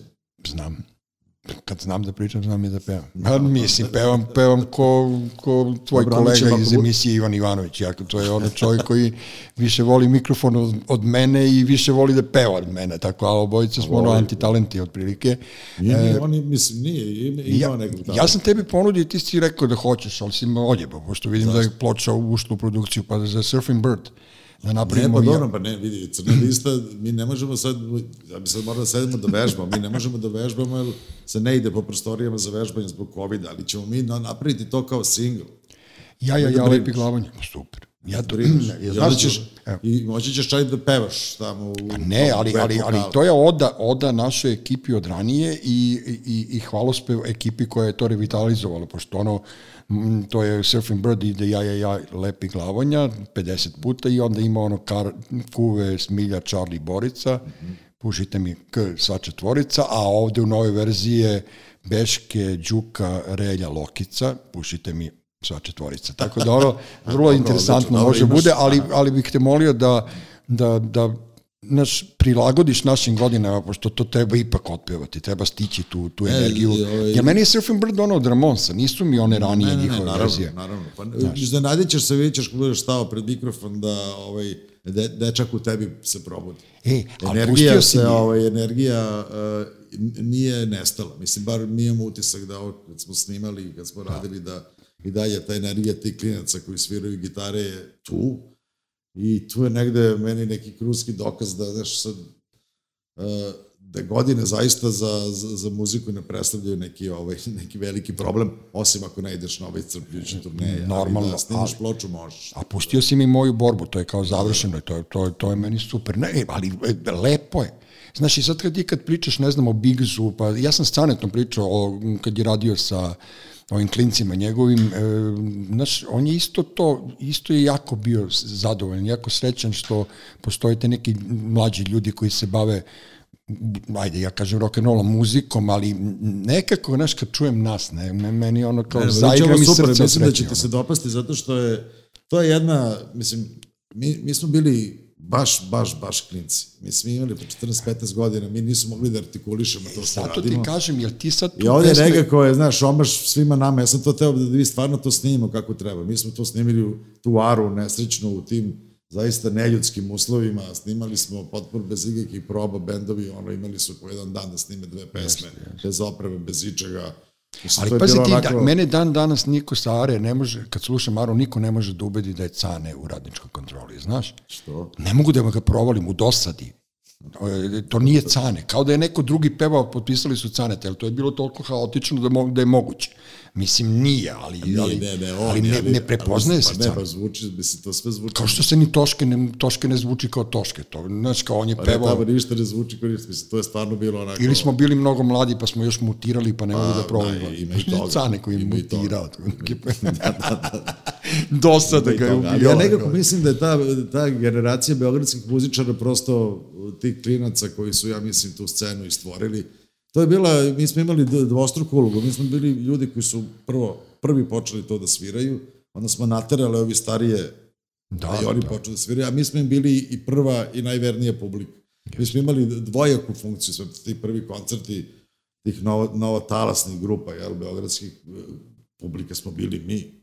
Jeste i, i vi ste bili... Vi, Mislim, va- klinci koji su tad viseli po SKC-u, nas je bilo stotinjak i mi smo bili taj, taj kako bi rekao, to, to, to zlatno jezgro. I tvoj kolega iz benda se uvek postidi, još uvek crveni kad kažeš da je on u stvari ugasio limuno drvo, pošto je bilo da je Vlajsa pljunuo Gagija i pošto je Vlajsa ono, imao taj tu strukturu pljuvačke koja nije mogla tako lako da se skine da joj popizdaju da je rasturio bend, jer Da ono, da, nije to je- bilo isplativo da svira Da, za to je bio, da, to je legendarni koncert. Da. A vi ste u bendu, ovi, e, ono, vas je ljubav ka kulinarstvu u stvari vezala tebe i Vlajsu, pošto ti si ono, o- osvedočeni gastronom, a Vlajsa je kuvar, tako da ono... Ali ono nešto, ta kuvarska karijera nije nikad... Ne, radi sad u krokodilu, lepo, lepo, lepo jela pravi, lepe brančeve pravi. Jel? Da, da, da, loži se. Ne, meni je to... Nije me meni je to, da, da, da, da, nije.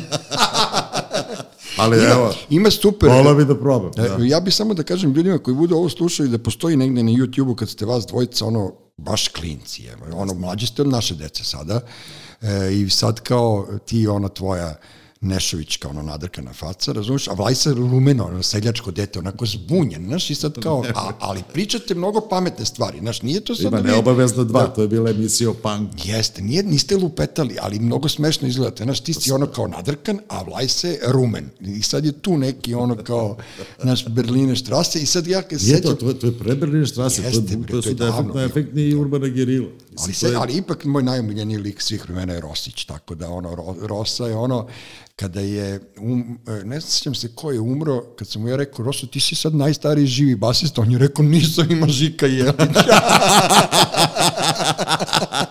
I on me počeo da pre, prepipava karotidu, znaš, ono puls da meri i sve to. Jer Roska, kad je postao vitez, on je počeo da ide po prijemima i boga mi se onako fino gicnuo, spasla ga je korona, pa ne ide više po tim prijemima i da nije probač više ono pre kralja, otprilike, znaš, kao, Pa dobro, ali vidi, ja sam, ja, ja sam baš uh, ponosan na, na mog druga Rokija iz benda. da.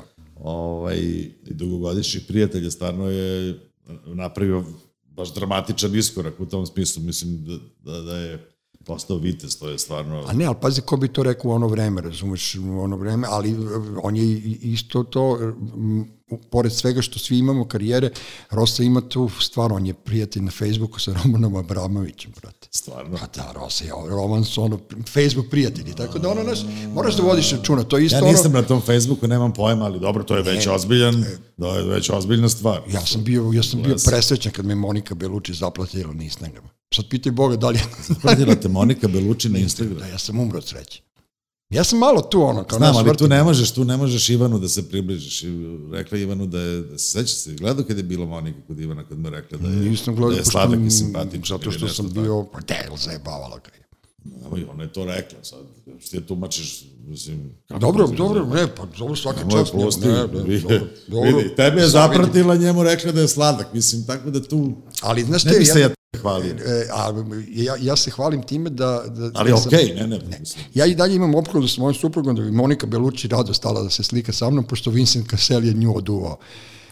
mi smo bili u Londonu i videli smo Vincenta sa njegovim ovaj, telohraniteljem i tri, četvr, troje četvoro dece i Bojana je bilo u fazonu, ajno, kada, slika me, slika me. Ja sam bio u fazonu, dobro, ajde, priđemo i ona je u tom trenutku izvodila ogledalce dok je ona stavila Carmen i onda je prišla i rekla, Vincent, a ona je rekao, no.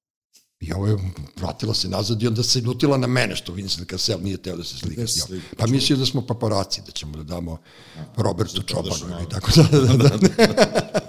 tako da ono i dalje ja mislim da bi se Monika slikala rado sa mnom.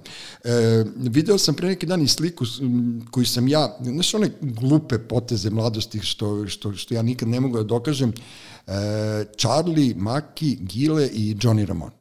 I ja gledam tu sliku sam, i, je i, si vidio, a si vidio šta sam napisao? Ja sam napisao da li postoji gluplji čovjek od mene, pošto sam ja to sfotografisao. A ti Ja- nisi, tebe nema. ja nisam znao da će on da postane toliko, toliko bitan, nego sam ja slikao, pošto beži bre majmune, ne znaš ti da slikaš, to sam rekao Maki, i onda sam ja slikao i mene nema na toj slici, ja ne mogu da dokažem da sam ja video Johnny. Dobro, verovat ću. Pa verujte mi, imam ja posle slike tamo sa koncerta i tako dalje i tako dalje.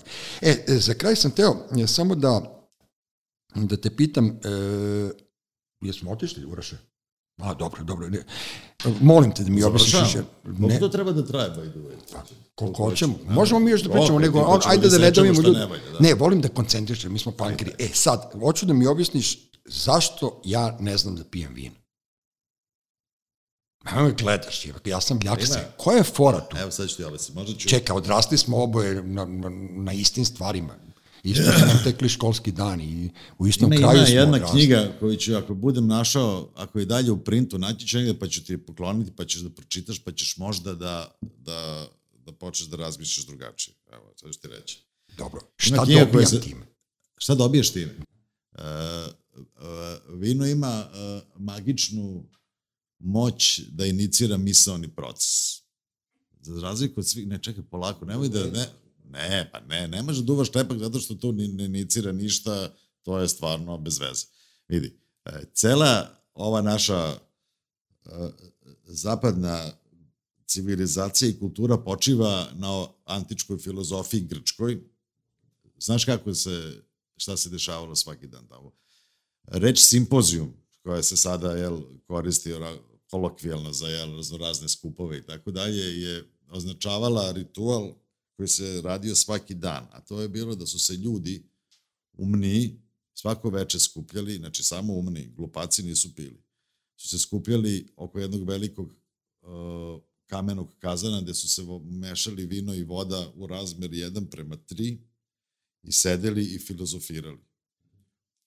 Uh, I smatra se da uh, kad na taj način konzumiraš vino, kad se ne opiješ, nego kad ga piješ, kako bih rekao, kako treba, da ono ima moć, ja mislim da je to tačno, da na jedan plemenit način inicira ovaj, misaoni proces i da ljudi, ovaj, kako se zove, znaš da kažu in viro veritas, tako je, da se, da, da prosto je alkohol u toj, u to, na tom nivou i sa tom koncentracijom alkohola u krvi da čovjek bude i to, za sad, to, za, to sad postoji naučno dokazanje da su ljudi koncentrisaniji, mnogo bolje razmišljaju, naravno ne da se napiju, nego moraju i to da, da, jel, da konzumiraju kako treba. Zato su ga oni mešali sa vodom u razmer 1 prema 3. Tako je to bila, to je bio lagani rastvor.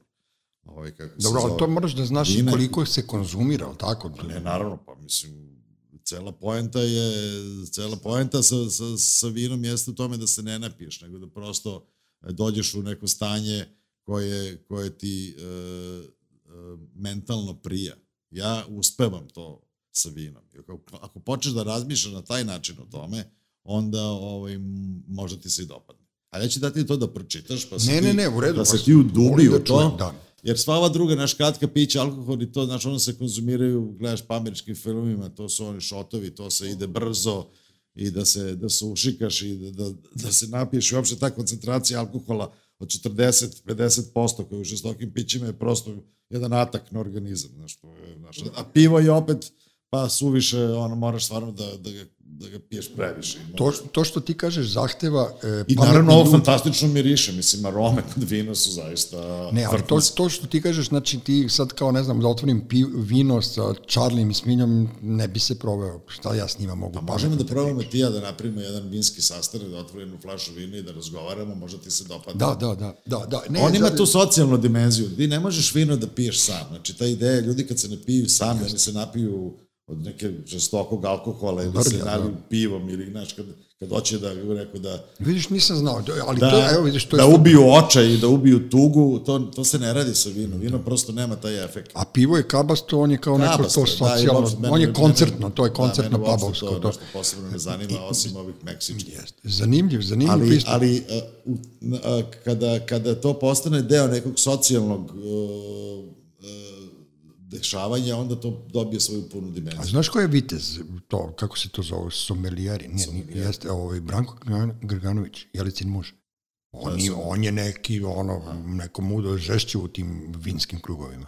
Jel? Da, da, da, i on je tražen i on ide Dobro, tu to je vrlo, mislim, to je plemenita i komplikovana veština. Ne, pazi, Pa čovjek- moj prijatelj je išao na te kurse, ja nikad to ne bi imao. Sad Ne, čovjek je, čovjek je po vokaciji bankar, on njegov profesija je bankar, ali on je završio sve te silne inicijacije i te kurseve, uslovno rečeno, i onda on je pozivan zaista na ono, Francuska, Italija, Portugalija, znaš, kao Čile, on ide mučka to, ide tamo. Ja samo ne znam kako, e, kako ajde, probat ćemo da napravimo jedan ovaj, uh, eksperiment, ti ja da vidim da li ti možeš da, ovaj, da uđeš u taj frame of mind, što se kaže. Mogu, brate. Ne, ne, pa vidi, možda ti se dopadne. Da, belo ili crno? Jedno i drugo zavisi. Mhm. A čekaj, reci mi Malvazija, Da. to piju po rovinju svi. Jel to, to je ista istarska flaša ili je, ili, su, ili je vrsta, ili svi zovu to vino Malvazija, ma, ma iz koje, Možda kao što svi zovu rakiju rakija. Istarska malvazija, autoktona sorta, ona nema veze sa ovim, postoji još malvazija u Španiji i ovaj, kako se zove, Mhm. i u Italiji, međutim to nije ista sorta, autoktona sorta istarska malvazija, to se tamo pije, to je tamo 90% vina koji se proizvodi Ja, je malvazija. sad sam se primio. I jako fino prija tamo. Sad sam se primio, pošto ja već godinu dana ne pijem. Apsolutno sam izbacio, ne, ali izbacio sam alkohol, ostalo je mi je samo pušenje, tako da ono, ali, znaš, voleo bih stalno, stalno, pošto sam u ceo život bio stoka, voleo bih malo nekad, voleo bih, ne znam, i kurs iz pušenja tompusa, jer ja ne umem da pušim tompus, ja uvlačim. Razumeš, ja, ja gledam ljude koji Ja to... baš udavio bi se, šta ti? udavim se, jer zato ga ne, ne pušim, tako da ono, ne znam, znaš, kao, da, da li to ima veze sa tim, ne, ne, to, Vidi, sad, ja bih znači- volao da, kako ti kažem, Znači, da, mali hedonistički kurs. Jeste, e, i ti bi mogao da daješ to ti... Ne, life- leglavanja, da, Nije da. to life coach, to je ono kao, brate, šta ja sad kao, znaš, ajde izvedi me na večeru, zato sam ti rekao, gde bi me odveo, gde idemo s pasošima. Baš, sa pasošem bi... Gde, to- gde, da, ja bi išao u Italiju, gde, gde bi išao? Ja bih uvek išao u Italiju. Dobro, Ja Italija, da, Znači, otišao da. bih sutra, pošto je posljednji evropski grad koji sam posetio pre ovog nesrećnog lockdowna, osim Rovinja, je bio Rim. Evo, sutra bih se spakuo i otišao u Rim. Uh, Rim mi neobično prija, ima neku uh, ne, ne, neku dozu razbarušenosti koja meni odgovara. Onako je, uh, kako bih rekao, razlabavljen je na jedan vrlo lep način, tamo se strašno dobro jede i pije. Hoćeš da se nađemo? skup. Ajde se dogovorimo da se Evo, nađemo. može li, Rim ti je, to ti je Ajde se 45 dogovorimo. minuta Hoćeš da se, meni ćeš da pričaš. Bio sam, ja sam išao na utakmice Rome, samo ja sam ljaksa. Ja odem u Romin butik, odem u onu knjižarnu na čošku, kupim Alan Fordove i vratim se. Ono, ja nemam ono pjaca na ona španske svepenice. I bacio sam jednom ovaj novčić u fontanu gdje trebi, vratit ću se tamo. Ajde se dogovorimo se, na, da, ajde se da. dogovorimo se nađemo recimo 15. septembra u, u I da Budemo da toliki optimisti dogovore. Da budemo toliki optimisti da korone neće biti. A vidjet ćemo ja se pre te, toga u ja ću Rovinju te onda sigurno. provesti ovaj, da, da probamo da vidimo da li možeš da, da, da, da usisaš u sebe, da, si, da se preseliš sa stadiona, da se preseliš sa stadiona u fini restoran. Bože, lako pa... Ne znam, možda ti se ne dopadne. Pa umem, da imam i- A možemo da probamo Beograd, evo izvešću te negde. Ja, ne volim ja te seljačka mesta. Ne, ne, Koja ne. seljačka? A Ne. to, sine, znaš, to puši tompus, ovo, ono, brate. Ja kad vidim ko, pu- ko puši tompus ovdje u Beogradu, znam vas troje normalnih, ovi ostali su ljaci se sve. Dobro, da, ima, ima i taj, ima taj, taj nažalost, nažalost, Jeste. koji mnoge dobre stvari ovaj, na svetu, ovaj, uh, Unište šabani. tako je, mislim, vidi ja, Obesmisle, znaš. besmisle, da, zato što do- dobije neku, neku grošnu socijalnu konotaciju, znaš, sad ja, ja sam pušač ovaj, od, od malih, od srednje škole, jel, od, od, od malih nogu i prešao sam pušati cigarete pre deseta godina, više nisu prijala i stvarno ovaj, sam se, našao u, ovaj, u, u, u pušenju ovaj, ove druge vrste duvana koji se drugačije pakuje i stvarno mi je to negde postala strast i ja to radim na dnevnoj bazi, znači radim kod kuće. A dobro, ali ti si Ne hedonista, znači ti si se stavio taj zen. Ali, kao ali ima negativnu konotaciju, znaš, vidite, vide sa, sa cigarom i onda od, odmah deluje grozno, tako da neki put je sramota. da iskreno Pa kad smo se našli na kafi, ti si rekao, aj se nađemo tamo u onom kafiću da puše tompuse, znaš. Ali dobro, bila je okej ekipa, ne, Pa ne, je, ne- okej su tu tamo, tamo Da, je u redu. da, Znači, da. onda Dobro, naš kraj je tamo okej. onda, I onda nije, onda nije sad neki show off, ljudi misle sad da sedem pijem kafu, uzem Da. neku malu cigaru, odmah kažem ti ga ovaj puva se ovde, ali nije, ovaj, prosto Vidi volim to da radim. I onda moram da se sklonimo tako na ta mesta da ima još ovaj sličnih nama. Idi ti na Novi Beograd pa puši tompus baju, ako imaš hrabrosti. Znaš, ono, u, studenjaku, ono, u, Da, da, studenjaku, da, u da, da. studenjaku. ovaj, Da, se, ali vidiš, ne, ima sada ta ku- kultura pušenja, mislim, sad se otvorilo nekoliko prodavnica cigara u, u Beogradu u zadnjih godinu dana. Tako da se tržište ovaj razvija i ima, da. ima ne, može da se kupi nešto što nije, jel, ono, Loko, e, meni je jako drago da smo mi ovo uradili, što smo uradili, ovaj podcast. E, ja sam čak bio, ono, ima, rekao sam Bojani pre nego što sam krenuo vama da imam tremu, ali nestala je usput i ja sam jako zadovoljan ovim. Ne bih da idemo duže, e, mada je... Skratio sam, sad, ja sam tvan mislio sad ja... Pa ne, ako nešto- hoćeš još nešto... Ne, ne, neću ništa. Ne, ako hoćeš još nešto, ali šta možemo part recimo- 2 da uradimo. Šta? Možemo part 2.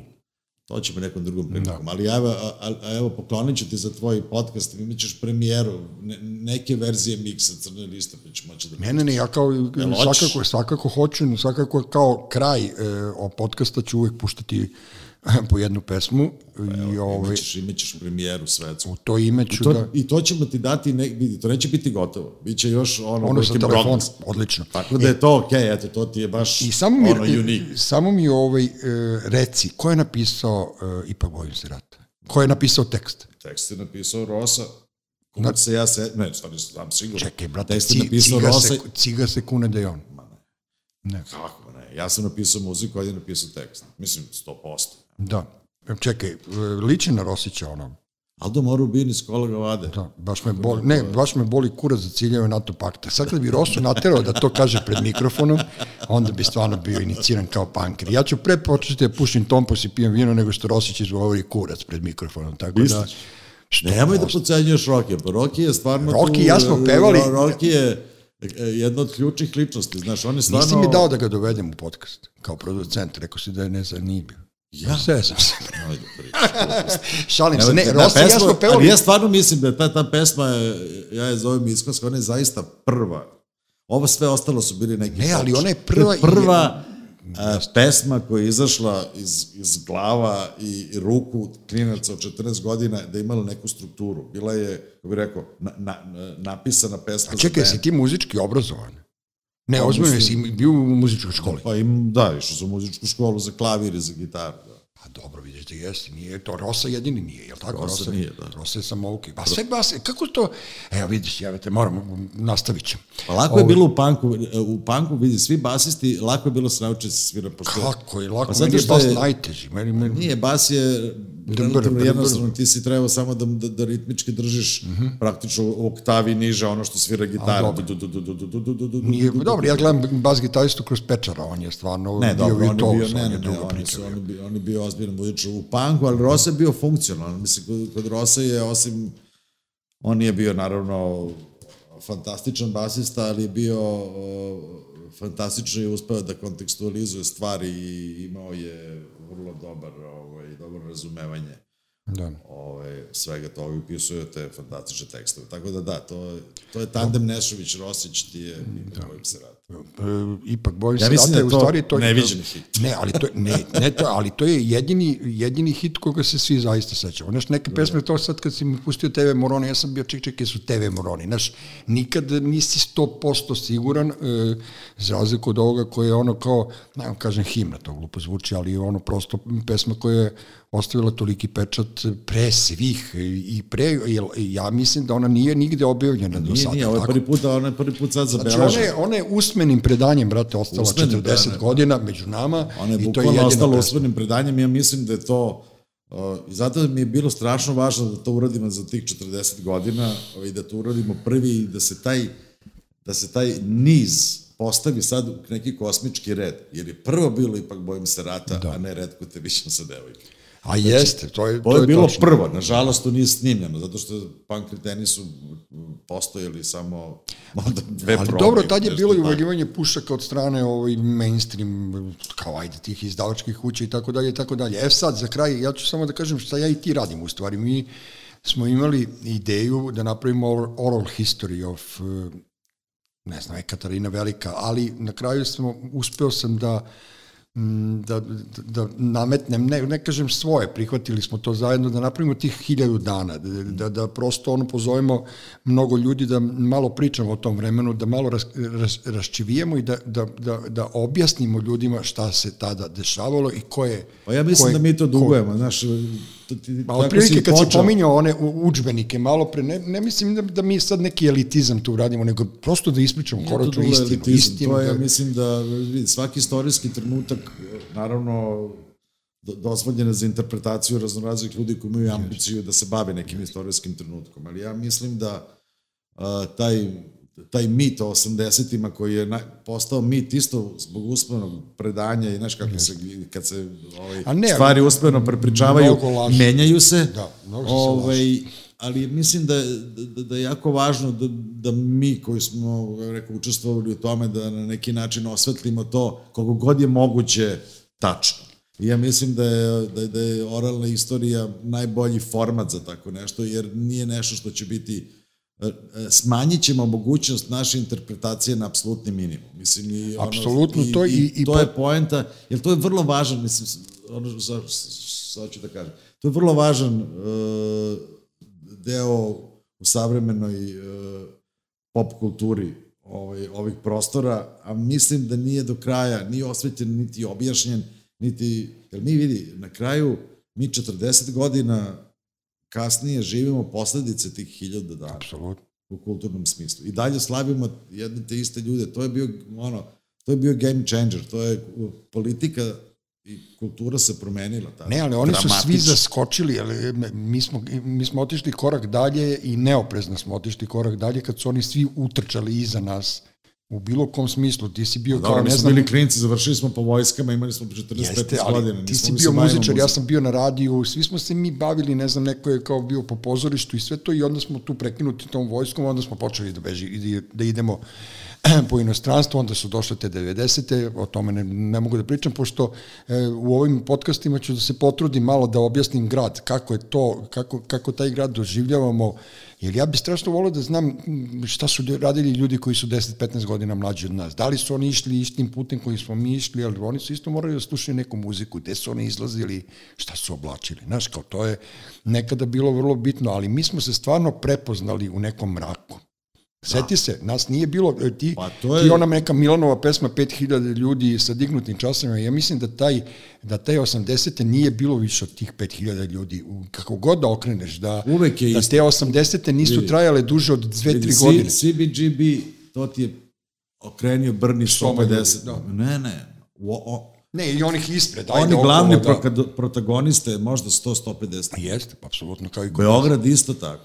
Ja mislim da je tih 100 klinaca, mi smo se stvarno našli u mraku, ti nisi imao mogućnost komunikacije, mi smo se prepoznavali na ulici, mi smo imali neko znakovno, znakovno ne, po mir- pismo, da smo se prepoznavali po ulici i počeli da se da se skupljamo po ćoškovima i da razmenjujemo ideje. To je bilo, rekao, to je bilo jako komplikovano. Grad je bio drugačiji, bio drugačija struktura, da si imao društvenu reč, kako ste mogli da se nađeš Jeste. sa nekim i da, da s njim podeliš svoje iskustvo. Ti nisi, to je bilo jako ti, ti teško. nisi došao, dok sam ja čitao u, uvod u ovu emisiju, a evo, ja sam naveo to, našu generaciju je, privu, je to privuklo da se prepoznajemo u mraku. Da. Jer mi smo se tačno prepoznavali u mraku i to je to. Nadam se da će se vratiti ta gradska energija. Vraća se, ja gledam po moje deci. Znaš, kao tu su oni kao sa svojom ekipom dobru muziku slušaju, što mi je drago, i onda kad, znaš, kao dođe to da poseljačivanje dece ili tako nešto, to je nemoguće, mislim, prosto, prosto je ono, znaš, gled, gledam, i pazim, koju, pazim da im skrenem pažnju na prave stvari. I mislim Pa ja mislim da uspevam je tu, ja mislim da se vratim sad na RTS i da možemo time i da, da, da, da završimo. Znaš, ti na kraju, po čemu mi pamtimo je, kakva je uloga bila RTS-a kao nacionalnog emitera tih godina? Mi pamtimo petkom u 22. Mi Dobro, pamtimo neke stvari. Gde je? I, ali pamtimo da je neko tada bio dovoljno hrabar i da, da, da, da artikuliše svoju ređivačku politiku na način da neke nove klince pusti unutra da, da, da se to vidi. Ja mislim da bi oni to trebali da urade i sad. Ne znam kako će, ne znam s kojim ljudima, ne znam da li imaju te ljude koji mogu to da urade, ali ima puno klinaca koji treba da dobiju afirmaciju tako što će ih neko pustiti na televiziji. Da. A evo Ali sad, ne onako, na, mislim, kako bih rekao, ali stvarno u nekom maniru da, da se promovišu neke nove vrednosti, da se kaže, ne, ne, postoje neki klinci ovde koji rade nešto zanimljivo i da se to uradi na način koji je, ja bih rekao, prilagođen 21. veku, da ne bude neka arhaična ona forma dosadna. Ti klinci više to ne mogu da gledaju. Znaš, onda izađe band na binu, upale onda onih sto, onih svetale, kao što imamo jako produkciju. To je dosadno. Dosadno, jako. Ima neki koji ih, ne, mislim, bez ve, to mora da se, da, da se preformatira ne, sve na je to iz način... 50. godina, ono, kao, znaš, od, od, ono, kao, ne znam, uz ali ovo, vidi, ima, ti si imao vrlo progresivne stvari, imao si taj hit meseca sa Ducom koji je stvarno bio senzacijom. Jeste. Ti si imao prvu top, top listu na televiziji, to je imalo neviđeno veliki odjev. U nedeljnom popodne Imao si, puštali pistol se. imao si, imao si tom, pe- tim petkom u 22 gde smo, pa znamo je Berliner štrase, ja ne znam da to znaš, da li se sećaš, to je Dragoška, Dragoška Lajić je, je, je e, doveo Berliner štrase u petkom u 22, napravio uvod o nama, snimio nam spot u SKC, mi smo pevali na je Sećam se, da. 1982. godine. Čiril. Mi smo pevali na nemačkom, to ti je sad kao, ja ne znam, i oni su uspeli to da proguraju na televiziju tada, Da. što je bilo stvarno komplikovano. Evo u ovom trenutku, danas je 2. februar, recimo da je 17.30 i ja sam dobio upravo informaciju koja tebe sad malo demantuje i koja, koja kida tu tvoju priču, pošto je Bujošević dobio novi mandat. Evo, sad sam dobio poruku. Pa mislim, ono, pošto Bujošević je dobio novi mandat i idućih pet godina će on biti direktor RTS-a, tako da ono, nećeš moći seljaku da objasniš da treba da napravi malo bolje emisije. A vidi, ja, verovo ili ne, ja sa s njim sad imam neki dijalog. Ovaj, nije postojao, Vinski ili... ne.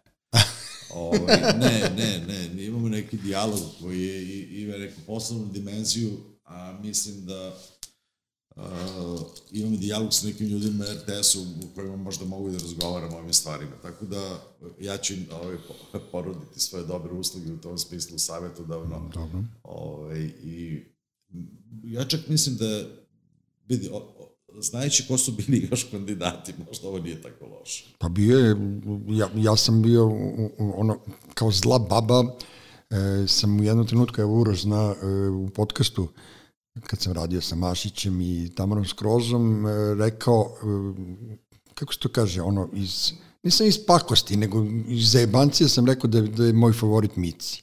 I onda su oni mene stvarno ozbiljno shvatili da sam ja Sašu Mirkovića Micija ovaj, bi želao da vidim na mestu direktora televizije, on je poslednji čovjek koji bi volao da vidim bilo gde i na bilo kom rukovodećem mestu, on je drag momak i to, rado ga vidim kad šeta kuće, ali, brate, onda bude direktor televizije, on je jedini gore od Bujoševića, tako da, naš, ne znam, ne znam ko su ostali kandidati. Vidi, to je jako, ali- znaš, da biti direktor radio televizije Srbije u, u Srbiji, kako Da. god daje, je vrlo nezahvalna ovoj poziciji. Šta god daje, ni Ja- Ve- Vera nije, da, Mici ja- nije, tako da ono... Ja stvarno, znaš, recimo, evo, ajde kažeš da mogu da, da, da se karakterišem kao nekog koji je ambicio za život, ja nikad u životu ne bih ne, poželeo to da radim. Ja to bi. je, znači, ja ne znam, ja ne znam stvarno, kako bih rekao, zašto to ljudi rade, to uopšte nije jednostavno. Pa ne, e, ja bih... Ovo posebno u državi kao što je Srbija, mislim. Ne, men, ja kad sam pitao ljude zašto Bujke... Ti ne možeš to- da prođeš dobro na tom mestu. Ne, zašto Bujke to radi, oni su rekli da je to vrh novinarske karijere. Ma to nije vrh novinarstva. A i ja mislim da nije. To nema veze s novinarstvom.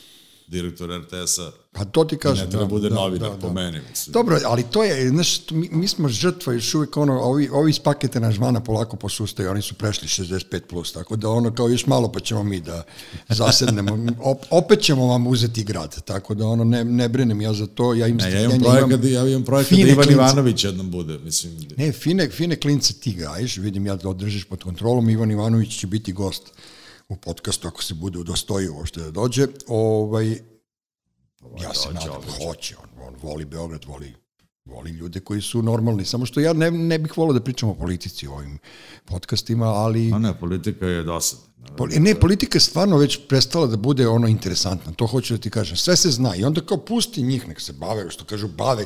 Mi se bavimo kulturom, muzikom i ba, prevođenjem knjiga. Ja ću svaku tvoju knjigu rado da na sve strane oglašavam, da pišem hvalospeve o njima i tako dalje. Pišeš nešto sad, evo ja tebe nešto da pitam. da- Ne, mrzim. Ne, pa, a pišem za Loku Nešović. Dobro to, da, da. da. da. Sad Kako me navuku, uopšte nisam, ono, pošto sam, ne, treba da radimo ono, intervjue za Treba knjigu. da radim tako. intervjue, naravno, za, sad moram, moram znao. da smisliš neko genijalno ime za tu knjigu. Jesam, već sam smislio. Du, duhovi. Ma ma ne, bre, ono, fiskulturno lane. Fiskulturno. Ček, je li to bio, je li to bio... To je bio. Đile ovaj, Nije, bre. UKT posle, je li tako? Ma ne sećam se više, brate, Fiskulturno ja sam, lane. ja Zar sam, nije bio bre...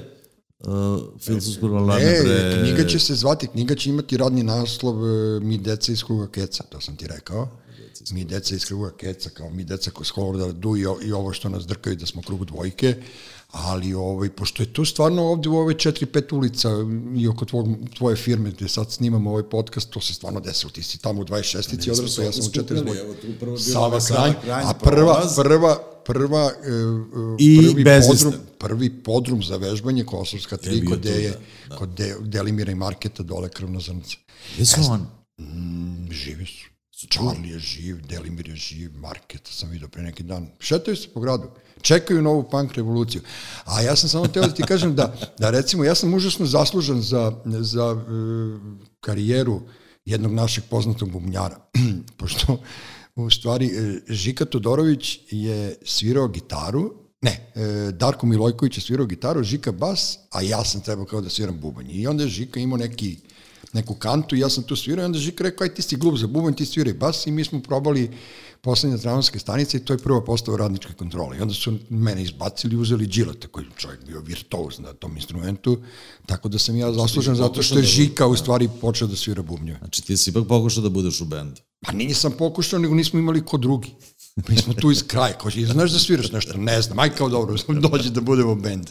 Tako da ono, pa ne, tako su se ranije spravili bendovi, nas je zvao, vodio onaj čudesni, nije Sremčica, kako smo ga zvali, e, Đura, što je, što je svirao prvi hardcore, on je bre, čovjek, bre, fa, fenomen na gitari. On meni iz Charlija skupi da mi sviramo njemu u bendu, jer mi smo svi bili u fazonu, svi, svi znaju da sviraju, mi nismo imali pojma, odvede nas negdje u tri pizdinu, neku zemunika u podrum i kao rrrr, i onda kao a, a, ja, ja sviram, ne znam šta, a i, i čudesno je ono kako sam se oprostio od svoje karijere basiste, pošto smo na koncertu u, u, na Bežaniji, ne na Bežani, kako se zove, 11. aprilu, Ćirilo, Zec i ja imali band s nekim Ćirilovim ortakom i oni su svirali Fak de Moca, ja sam znao samo ono, tun, tararun, tun, tun, ipak poželim neko pismo.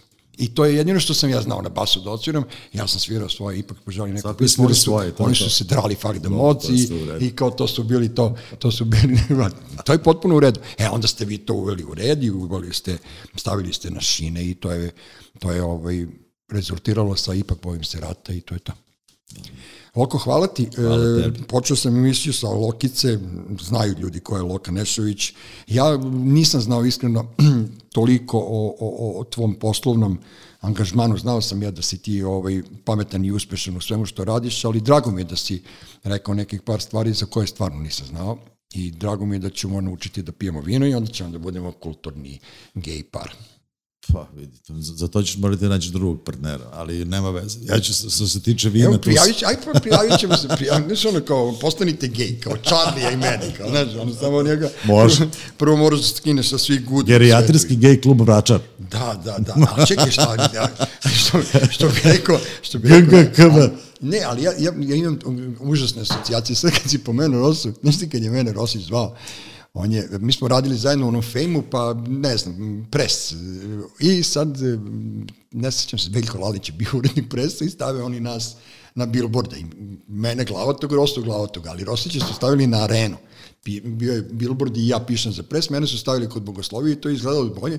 I sad cijela Rosina glavuđa koja je stajala na areni. I sad nešto u tom se, mi se smejemo ono i sad kaže Rosina, mogu nešto te pitam, ali ozbiljno. Ja se zbunio kao Rosa, ja ozbiljno. On kaže, brate, si ti duvo lepo kad si bio klinac? Ja kažem, pa jesam probao. A čekaj, ti imaš neke posledice? ja kažem, Rosa, šta te muči, brate? Kaže, nešto mi zuju u glavi.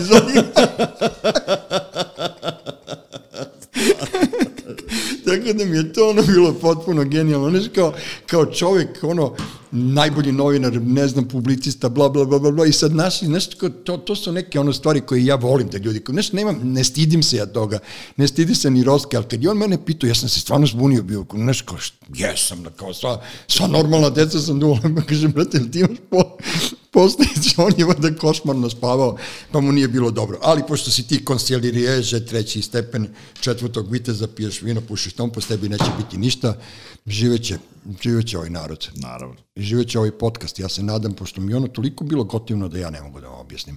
Dakle, Uroš Bogdanović Ton, e, ja pred mikrofonom, gost Slobodan Loka Nešović, čućemo se kada producent odluči da pusti sledeću emisiju.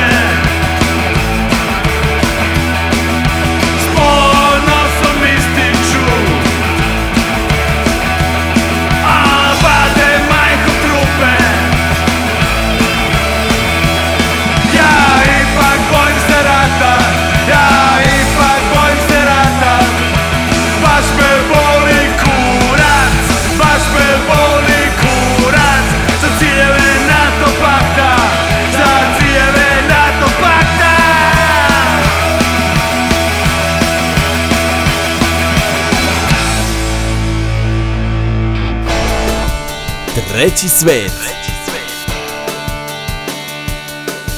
Treći svet.